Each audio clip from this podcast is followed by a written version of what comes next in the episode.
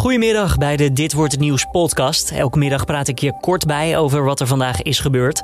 In de komende vijf minuten aandacht voor het formatiedebat. Hoe staat het met het vertrouwen van Rutte? De Europese Commissie wil milieuproblemen steviger aanpakken. En de reisbranche is blij met de komende versoepelingen. Mijn naam is Julian Dom. Het is vandaag woensdag 12 mei. En dit is de Nu.nl Dit wordt het nieuws middagpodcast. Het vertrouwen in Rutte is bij PvdA-leider Lilianne Ploemen nog niet hersteld. Dat zegt ze in het formatiedebat. Ik heb die voorstellen gekwalificeerd als onder de maat. Ik ben vandaag eh, niet van oordeel veranderd. Dus wat ons betreft is de situatie ongewijzigd en is dat vertrouwen niet hersteld. Eerder steunde de PvdA een motie van wantrouwen tegen hem, die, ne die het net niet haalde. Ook GroenLinks zet haar handtekening onder die motie. Maar partijleider Jesse Klaver vindt het tijd om nu inhoudelijk met elkaar te praten. En dat is volgens hem ook de taak die de Kamer heeft gekregen van informateur Herman Het aantal opnames is de afgelopen dagen bijna een kwart lager dan tijdens de piek eind april. Het gaat om de opnames in de ziekenhuizen, dat vertelt Ernst Kuipers van het landelijk netwerk Acute Zorg. Het totaal aantal opgenomen coronapatiënten is de afgelopen 24 uur ook verder gedaald. Het gaat nu gemiddeld om 239 mensen die worden opgenomen met COVID-19 per dag.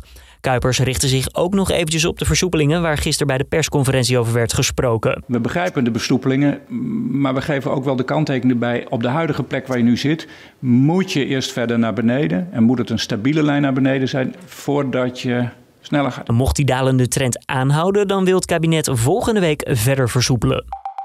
De Europese Commissie wil schadelijke vervuiling van lucht, water en grond volledig verbannen. De eerste grote stappen moeten in 2030 al worden gezet. Een van de doelstellingen is om het aantal luchtverontreinigingsdoden met 55% te verminderen. Het milieu moet in 2050 zo schoon zijn dat mens en natuur niet geschaad worden, staat in de plannen. Van elke acht overlijdend in de EU is er nog altijd één te wijten aan milieuvervuiling, wat neerkomt op 400.000 mensen. Verder wil de commissie ook geluidsoverlast tegengaan en wordt er nog een onderzoek afgewacht om te kijken of lichtoverlast ook aangepakt moet worden. De bestuurder van een grasmaaier die drie jaar geleden betrokken was bij een ongeluk waarbij een zesjarig meisje omkwam, is vrijgesproken. Volgens de rechtbank was de man niet verwijtbaar onvoorzichtig geweest. Tijdens een pauze speelde het meisje op een grasveld bij de school en ze kwam daar onder de wielen van een achteruitrijdende grasmaaier terecht. Vijf dagen later overleed ze aan haar verwondingen. Positiviteit bij de reisbranche na de coronapersconferentie van gisteren. Vanaf 15 mei worden landen weer los beoordeeld en vakanties naar het buitenland zijn daardoor weer mogelijk.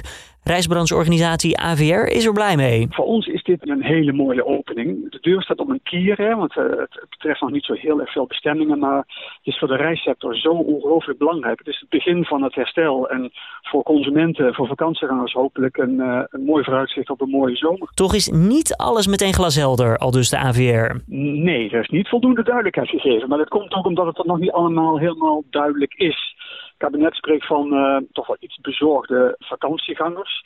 En dat, dat onderstreep ik wel. Het advies is dan ook om goed wijsopreis.nl in de gaten te houden als je een vakantie boekt in het buitenland. Dan nog even het weer van Weerplaza. Zon en wolken wisselen elkaar af. Af en toe een buitje. Het koelt vanavond verder af naar graad of 9. Morgen dan meer van hetzelfde en ongeveer 17 graden. En een opmerkelijke vondst op een strand in Californië. Denk eventjes aan Finding Nemo. En dan niet aan het clownvisje Nemo zelf, maar aan die vis met die lamp die Nemo diep in de oceaan zag. Nou, dat beest, heet trouwens een voetbalvis, is op het strand aangespoeld in Californië. Nou, het beestje is inderdaad zo eng als dat hij er ook uitziet. Zijn tanden zijn namelijk doorzichtig en hij kan een prooi naar binnen slikken en opeten zo groot als zijn hele lijf. Het is nog even de vraag hoe hij daar gekomen is, want ja, normaal voelt hij zich als een vis in het water maar dan wel op een kilometer diepte.